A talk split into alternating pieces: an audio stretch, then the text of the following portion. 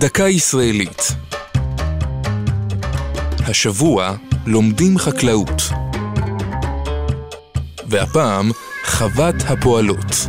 בחזון העלייה השנייה ניצב בחזית רעיון העבודה השיתופית בין גברים לנשים, אך במציאות התקשו החלוצים לממשו.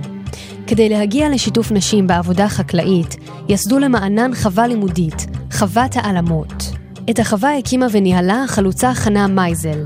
ב-1911 קיבלה מהקרן הקיימת לישראל חלקת אדמה מול חופי הכנרת, שם החלה להכשיר את שש תלמידותיה.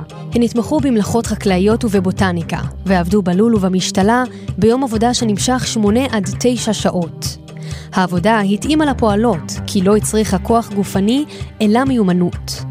בערבים למדו בחוות הפועלות עברית, ובשבתות יצאו לטיולים בטבע. כעבור שנה כבר למדו בחווה 15 תלמידות. אולם, שש שנים לאחר פתיחתה, נסגרה חוות העלמות בעקבות הקשיים הכלכליים שגררה מלחמת העולם הראשונה, וכיום שוכן בה מוזיאון להנצחת פועלה. אפשר לבקר בחוות העלמות הסמוכה ממש לחוות כנרת.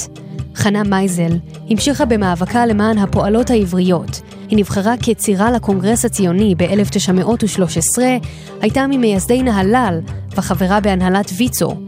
ב-1923 הקימה את בית הספר החקלאי לנערות בנהלל, הנקרא כיום על שמה. זו הייתה דקה ישראלית על לומדים חקלאות וחוות הפועלות. כתב יואב אונגר, ייעוץ הפרופסור מרגלית שילה, הגישה נועם גולדברג.